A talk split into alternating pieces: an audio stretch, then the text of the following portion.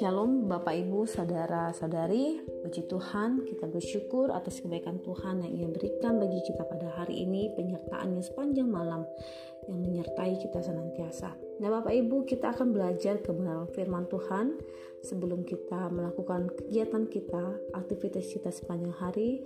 Terlebih dahulu mari kita bersatu di dalam doa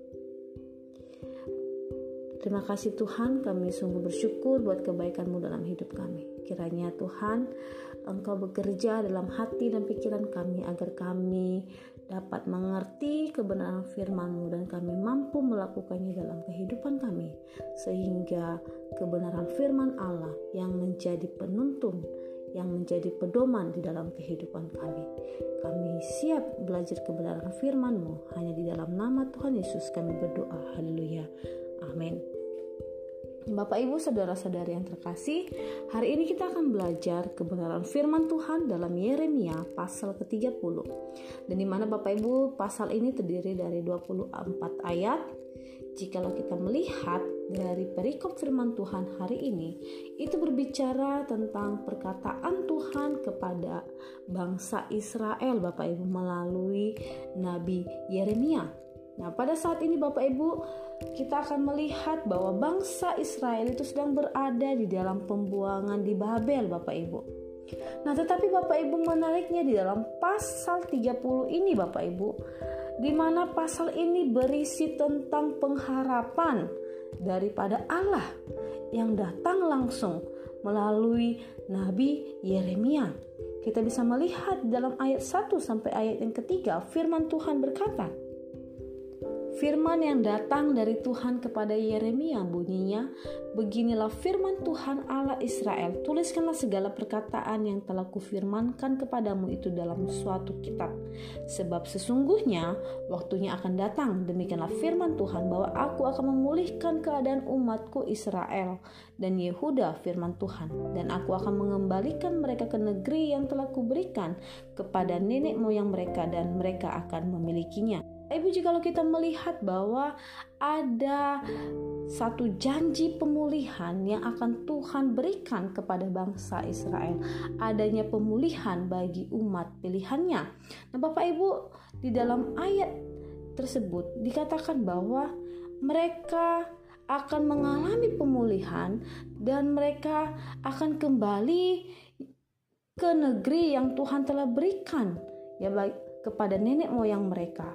Dan di dalam ayat yang kelima sampai ayat yang ketujuh Bapak Ibu firman Tuhan berkata, akan adanya kesusahan yang tiada taranya yang akan mereka alami, tetapi Allah tetap menyelamatkan umatnya agar mereka tiada yang tidak terselamatkan Bapak Ibu. Di dalam ayat yang kelima sampai ayat yang ketujuh firman Tuhan berkata, Sungguh beginilah firman Tuhan telah kami dengar jerit kegentaran, kedahsyatan dan tidak ada damai. Cobalah tanyakan dan selidiki adakah laki-laki melahirkan? Mengapakah setiap setiap laki-laki kulihat tangannya pada pinggangnya seperti seorang perempuan yang melahirkan. Mengapakah setiap muka berubah menjadi pucat? Hai alangkah hebatnya hari itu. Tidak ada taranya. Itulah waktu kesusahan bagi Yakub, tetapi ia akan diselamatkan daripadanya. Nah, Bapak Ibu, Allah memaparkan apa yang akan mereka alami di dalam pembuangan, tetapi pada saat bersamaan Allah memberikan mereka pengharapan bahwa akan ada pemulihan.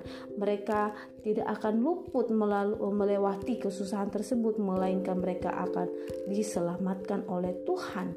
Bapak Ibu saudara-saudari yang terkasih. Dan di dalam ayat yang ke-8 sampai ayat yang 9 kita bisa melihat kembali dikatakan bahwa orang Israel akan menjadi pemenang karena mereka akan mengalami pembebasan daripada Tuhan. Mereka bukan lagi hamba manusia, orang-orang asing, tetapi mereka akan mengabdi kepada Allah ayat 8 sampai ayat 9 firman Tuhan berkata, "Maka pada hari itu demikianlah firman Tuhan semesta alam, aku akan mematahkan kuk dari tengkuk mereka dan memutuskan tali-tali pengikat mereka, dan mereka tidak akan mengabdi lagi kepada orang-orang asing, mereka akan mengabdi kepada Tuhan Allah mereka dan kepada Daud raja mereka yang akan kubangkitkan bagi mereka." Nah, Bapak Ibu saudara-saudari yang terkasih, di sini mereka secara khusus yaitu orang Israel yang sedang mengalami yang namanya pembuangan Bapak Ibu tentulah tidak mudah untuk mereka menjalaninya. Tetapi Tuhan sedang menyatakan bahwa untuk mereka tidak berputus asa melewati kesusahan-kesusahan yang akan mereka lalui Tuhan memberikan mereka janji pemulihan. Tuhan menyatakan pengharapan bagi mereka. Allah tidak akan meninggalkan mereka Allah akan terus menyertai mereka. Dan di sini Bapak Ibu di dalam ayat yang ke-10 sampai ayat ke-11 firman Tuhan Allah meneguhkan kembali agar mereka itu tidak gentar menghadapi kesusahan yang akan melanda mereka yang Tuhan izinkan sebagai bentuk disiplin bagi umatnya ada apa yang terjadi Bapak Ibu? Jikalau kita melihat di dalam ayat yang ke-12 sampai ayat yang ke-15 Tuhan Allah datang kepada mereka menyatakan keluh kesah bagaimana bangsa Israel mereka melakukan banyak kejahatan di hadapan Tuhan. Dikatakan sungguh beginilah firman Tuhan, penyakitmu sangat payah Lukamu tidak tersembuhkan, tidak ada yang membela hakmu, tidak ada obat untuk bisul, kesembuhan tidak ada bagimu. Semua kekasihmu melupakan engkau, mereka tidak menanyakan engkau lagi. Sungguh aku telah memukul engkau dengan pukulan musuh, dengan hajaran yang bengis, karena kesalahanmu banyak, dosamu berjumlah besar. Mengapakah engkau berteriak karena penyakitmu, karena kepedihanmu sangat payah, karena kesalahanmu banyak, dosamu berjumlah besar. Maka aku telah melakukan semuanya ini kepadamu. Ibu saudara-saudari yang terkasih, Allah kita adalah Allah yang penuh kasih. Tetapi Allah tidak kompromi dengan dosa. Allah mengasihi Bapak Ibu dan saya, tetapi Allah tidak mengasihi dosa yang kita lakukan di hadapannya. Nah, kita baru Bapak Ibu memperingati Jumat Agung dan juga kebangkitan Tuhan Yesus Kristus.